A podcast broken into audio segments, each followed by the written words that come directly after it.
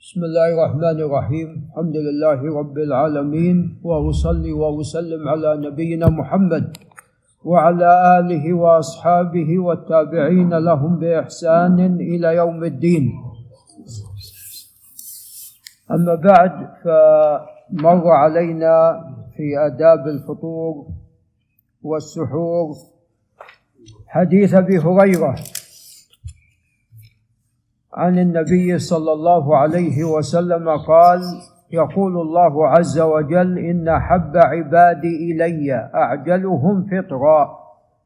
برقم 1669 هذا لا يصح كما تقدم. فيه قرة بن عبد الرحمن بن حيوائيل وهو لا يحتج به.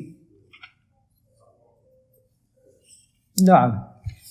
ومر علينا حديث أبي ذر. رضي الله عنه أن النبي صلى الله عليه وسلم كان يقول لا تزال أمتي بخير ما أخروا السحور وعجلوا الفطر. رواه أحمد. وهذا فيه ضعف فيه سليمان بن أبي عثمان وهو ليس بالمشهور.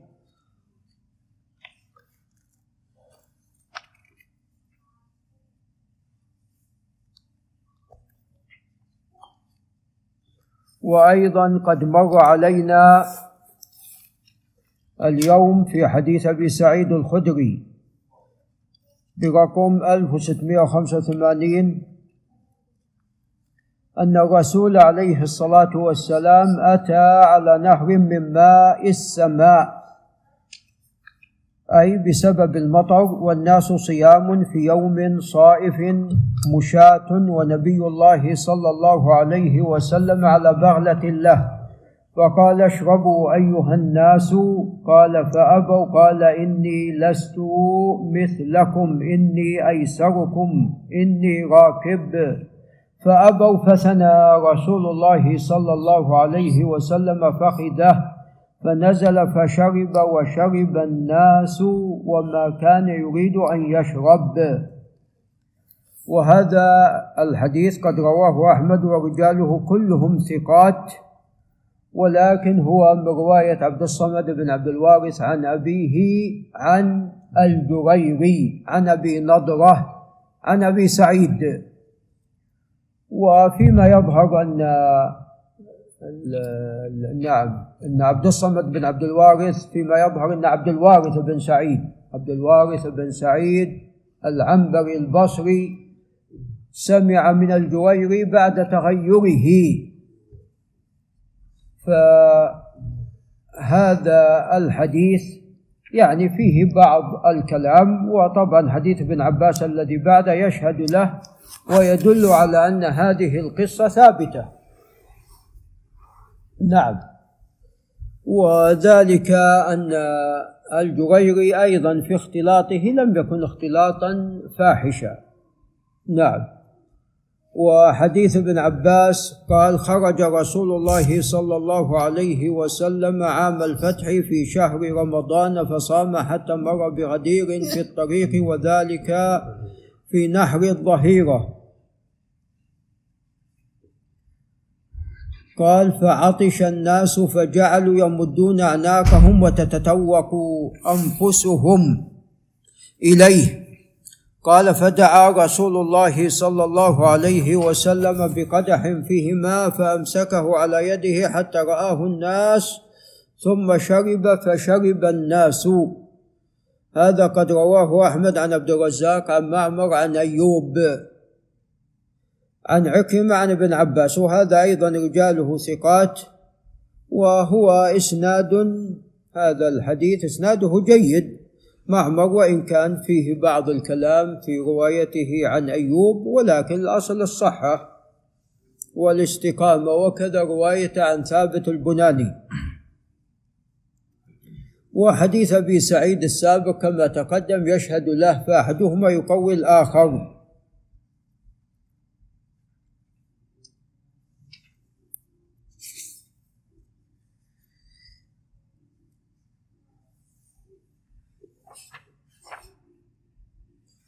قال وعن محمد بن كعب وهو القرظي قال أتيت أنس بن مالك في رمضان.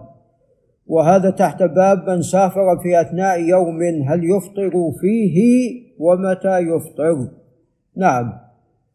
أنه يفطر يفطر فيه. يعني هو سافر الظهر يفطر. نعم. امرأة حائض وأتى عفوا امرأة طاهر وأتى إليها الحيض الظهر فأتكن خلاص أفطرت. متى يفطرها المسافر؟ يفطر إذا خرج خارج البلد. لا يترخص برخص السفر إلا إذا خرج خارج البلد. نعم. لأنه ما دام في البلد يعتبر ماذا؟ مقيم لم يسافر. وبعض أهل العلم قال أنه يفطر من حين يريد أن يركب دابته ويسافر حتى ولو من بيته. وهذا قد جاء عن أنس بن مالك رضي الله عنه وقال به بعض أهل العلم والصواب أنه لا يترخص برخص السفر حتى يخرج من البلد. ف يعني من يذهب إلى هذا لا يقول أنه لو حضرته الصلاة يقصر من إيه من بيته. لا. بل حتى يبرز خارج البلد. فهنا نعم يقصر ويجمع ويفطر. نعم. إذا كان صائما إذا شاء. نعم. قال أتيت أنس بن مالك في رمضان وهو يريد سفرا وقد رحلت له راحلته ولبس ثياب السفر. يعني كانوا الناس فيما سبق يلبسون ثيابا خاصة للسفر. نعم لأن السفر محل ل نعم يعني تشعث. يعني نعم يعني الثياب وتوسخ الثياب. نعم وراح يطيل يجلس مدة على دابته. نعم فيهيئ لهذا السفر يعني ثياب خاصة به. وأما الآن بحمد الله الإنسان إما في سيارة وإما في طائرة. قال فدعا بطعام فأكل. هذا إلى الآن ما ركب الراحلة فقلت له سنة فقال سنة ثم ركب رواه الترمذي. والصواب أنه قوله سنة لم يثبت ذلك. والله أعلم. وإنما الثابت أن أنس قد صنع ذلك. نعم. ولذا الترمذي هنا لم يصححه بل قال حديث حسن. قال وعن عبيد بن جبر قال ركبت مع أبي مع أبي بصرة الغفاري في سفينة من الفسطاط في رمضان فدفع ثم قرب غداءه. ثم قال اقترب. فقلت ألست بين البيوت؟ فقال أبو بصرة أرغبت عن سنة رسول الله صلى الله عليه وسلم؟ قال رواه أحمد وأبو داود. وهذا فيه ضعف لأن عبيد بن جبر ليس بالمشهور. وأظن حتى الراوي عنه ولعل الآن يخرج إسناده. نعم. ويحمل على لو ثبت يحمل على أنه عندما ركب في السفينة. يعني كأنه خرج خارج نعم المدينة خارج البلد المدينة. نعم. نعم. عبيد الله بن عمر قال حدثني عبد الله بن يزيد حاول وحدثنا جعفر بن مسافر قال حدثنا عبد الله بن يحيى المعنى. قال حدثني سعيد بن أبي ايوب وزاد جعفر والليل حدثني قال حدثني يزيد بن أبي حبيب أن كليبا بن ذهل الحضرمي أخبره عن عبيد قال جعفر بن جبر قال كنت مع طيب. سعيد بن أبي أيوب والليث كلاهما عن يزيد بن أبي حبيب. نعم.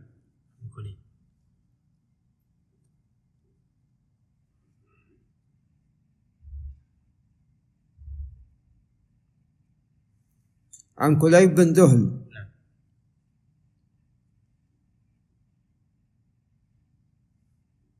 كليب هذا ليس بالمشهور ومثله عبيد بن جبير عبيد بن جبر.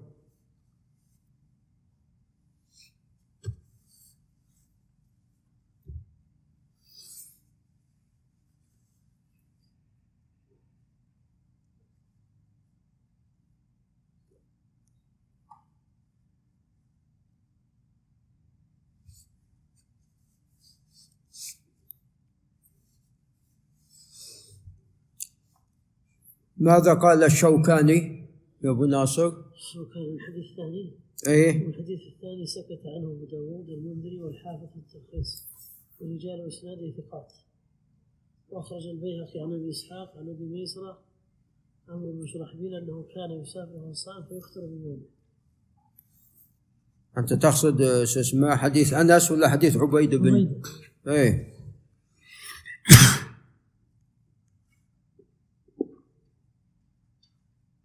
سكت عن أبو داود والمنذري. انه والحافظ التلخيص. ورجال ثقات ذكر شاهد عند البيهقي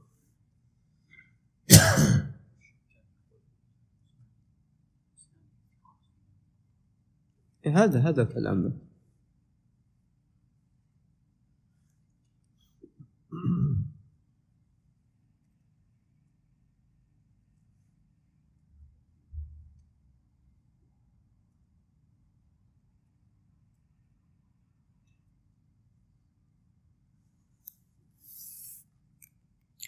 نعم. وطبعا كليب بن ذهل كما تقدم ليس بالمشهور ومثله عبيد بن جبير. قال باب جواز الفطر للمسافر إذا دخل بلدا ولم يجمع إقامة. نعم هذه الترجمة تضمنت أن المسافر ما لم يجمع إقامة فهو مسافر. وبالتالي يحق له الإفطار.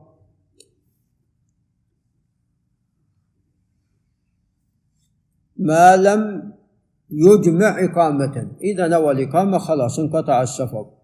قال عن ابن عباس رضي الله عنهما أن النبي صلى الله عليه وسلم غزا غزوة الفتح في رمضان. وصام حتى بلغ الكديد الماء الذي بين قديد وعسفان. أفطر. فلم يزل مفطرا حتى انسلخ الشهر رواه البخاري.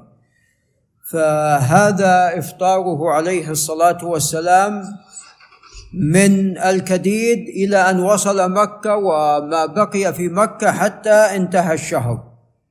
قال ووجه الحجة منه أن الفتح كان لعشر بقين من رمضان. هكذا جاء في حديث متفق عليه. نعم. قال باب ما جاء في المريض والشيخ والشيخة والحامل والمرضع. أي في حكم هؤلاء فيما يتعلق بالصيام. فعندنا بارك الله فيكم أربعة أنواع من الأشخاص. عندنا المريض هذا واحد. عندنا الشيخ والشيخة هذان اثنان. عندنا الحامل هذا ثلاثة. عندنا المرضع هذه أربعة. نعم. أما ما يتعلق بالمريض ف المرض ينقسم إلى قسمين. إما أن يكون هذا المرض لا يشق عليه ولا يؤثر على يعني ما يمنع من الصيام ولا يضعفه عن الصيام. نعم. والصيام لا يت... لا يؤخر شفاء هذا الشخص أو برئه من مرضه. فهذا يصوم هذا يصوم. وأما إذا كان هذا المرض في حال صومه يشق عليه أو يؤخر شفاءه وتعافيه. نعم فهنا يفطر هنا يشرع له الإفطار. فمن كان منكم مريضا أو على سفر فعدة من أيام أخر. وأما الشيخ والشيخة يعني من كان كبيرا في السن. كبار السن. فكبار السن بارك الله فيكم عليه أن يصوم إلا إذا شق عليه ماذا؟ الصيام. فإذا شق عليه الصيام وعقله معه أما إذا لم يكن عقله معه فهذا قد سقط عنه. نعم التكاليف التكاليف قد سقطت عنه. التكاليف قد سقطت عنه. لأن مناط التكليف العقل ولا تكليف مع عدم العقل. ما في تكليف. إذا لم يكن الإنسان عقله معه فتسقط عنه التكاليف ومن ذلك الصيام. وأما إذا كان عقله معه وهو غير مستطيع يشق عليه الصيام فهنا بارك الله فيكم يطعم عن كل يوم مسكين. يطعم عن كل يوم مسكين. وأما فيما يتعلق بالحامل والمرضع فالحامل فالحامل والمرضع هما مثل المريض. فإذا شق عليهما الصيام وأيضا بالنسبة للحامل خشيت على الجنين. نعم. فهنا تكون في حكم المريض وتفطر وتقضي بعد ذلك. والقول الآخر أنها تكفر وليس عليها قضاء. القول الآخر أنها تكفر وليس عليها قضاء. وقول ثالث التفريق ما بين الحامل والمرضع نعم. إن خافت على نفسها فهي فتقضي بحكم المريض وبعد ذلك تقضي. وإن خافت على جنينها تجمع بين تفطر وتجمع بين القضاء وماذا؟ والكفارة. والجمع بين القضاء والكفارة هذا طبعا فيه نظر. هذا فيه نظر إما قضاء وإما كفارة. نعم. نعم. مقدار طعام المسكين نصف صاع. نصف صاع. نعم. ونصف الصاع يعني كيلو وتقريبا ربع. نعم. يعني إن زاد لأن تقريبا كيلو وين ونصف. يعني تقريبا هذا مقدار الصاع تقريبا. قال عن أنس بن مالك الكعبي وكعب بن عامر بن صعصعة غير أنس بن مالك الأنصاري رضي الله عنه أن الرسول صلى الله عليه وسلم قال إن الله عز وجل وضع عن المسافر الصوم فيحق له الإفطار وشطر الصلاة. لأن الرباعية تقصر إلى ركعتين. وعن الحبلى أيضا والمرضع الصوم. بالنسبة للمسافر الصيام وشطر الصلاة. وبالنسبة للحبلى والمرضع الصيام والصلاة لا الصلاة على ما هي عليه. نعم فهي ليست مسافرة. نعم. قال رواه الخمسة وفي لفظ بعضهم وعن الحامل والمرضع. نعم وهذا صحيح. هذا صحيح. نعم هذا الحديث. وقد رواه أهل البصرة عن أنس بن مالك الكعبي. قال وعن سلمة بن الأكوع رضي الله عنه. قال لما نزلت هذه الآية وعلى الذين يطيقونه فدية طعام مسكين. كان من أراد أن يفطر ويفتدي حتى أنزلت الآية التي بعدها فنسختها. نعم. فمن شهد منكم الشهر فليصم. نعم. فنسخ هذا الحكم. نعم فكان الأول الصيام بالتخيير أما أن يصوم وإما أن يفطر ويطعم. نعم ثم نسخ ذلك. قال رواه الجماعة إلا أحمد. نعم. قال وعن عبد الرحمن بن أبي ليلى الأنصاري عن معاذ بن جبل وهو لم يسمع منه. بنحو حديث سلمة وفيه ثم أنزل الله تعالى فمن شهد منكم الشهر فليصم فأثبت الله صيامه على المقيم الصحيح ورخص فيه للمريض والمسافر وثبت الإطعام للكبير الذي لا يستطيع الصيام. مختصر لأحمد وأبي داود. قال وعن عطاء طبعا يفسر هذا ما جاء عن ابن عباس وهو الذي بعده. قال وعن عطاء بن أبي رباح سمع ابن عباس يقرأ وعلى الذين يطيقونه هو قرأ يطوقونه.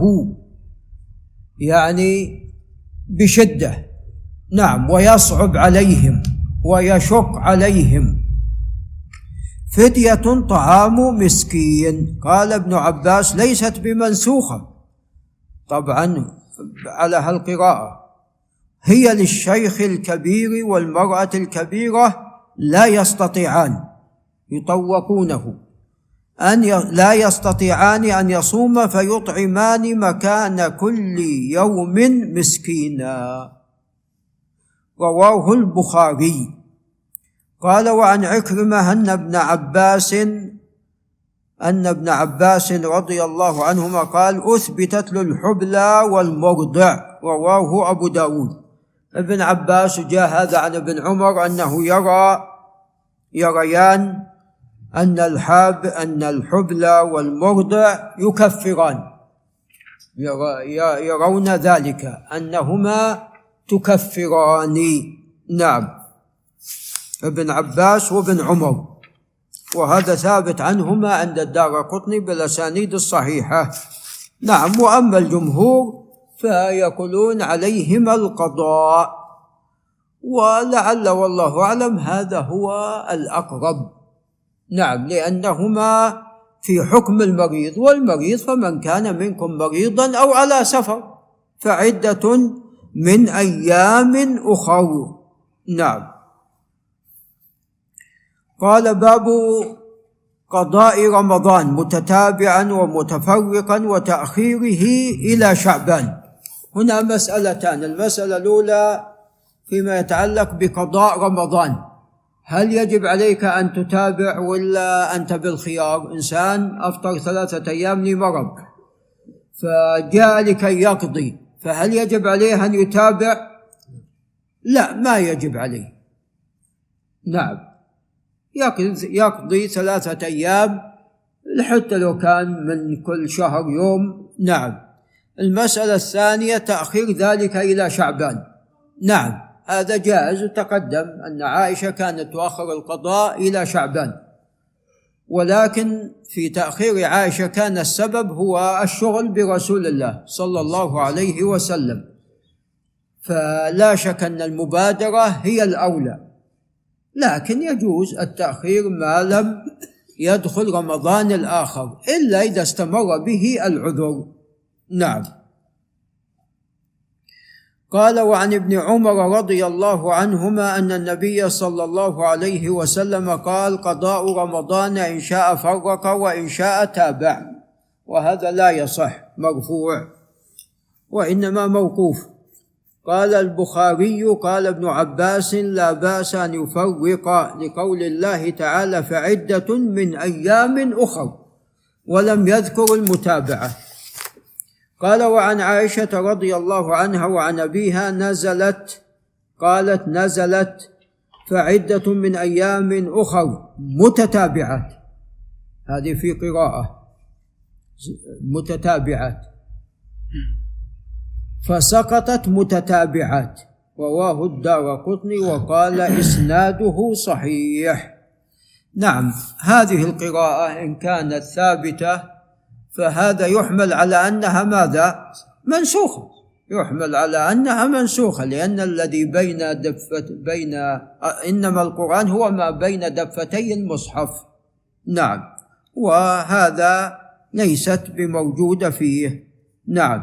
ولذا قال عز وجل فعدة من أيام أخر. نعم.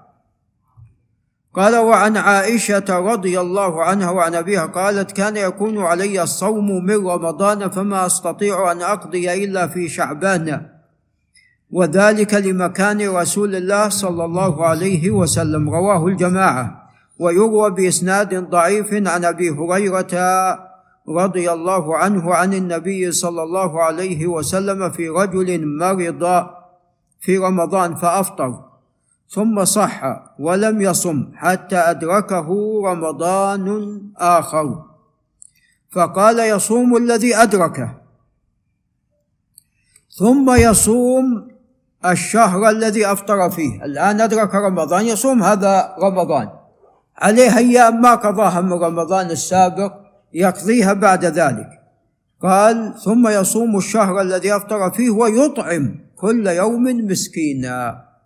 ورواه الدار قطني عن أبي هريرة من قوله وهو الصواب أنه من قول أبي هريرة وقال إسناد صحيح موقوف وروي عن ابن عمر عن النبي صلى الله عليه وسلم من مات وعليه صيام شهر رمضان فليطعم عنه مكان كل يوم مسكينا فليطعم فليطعم.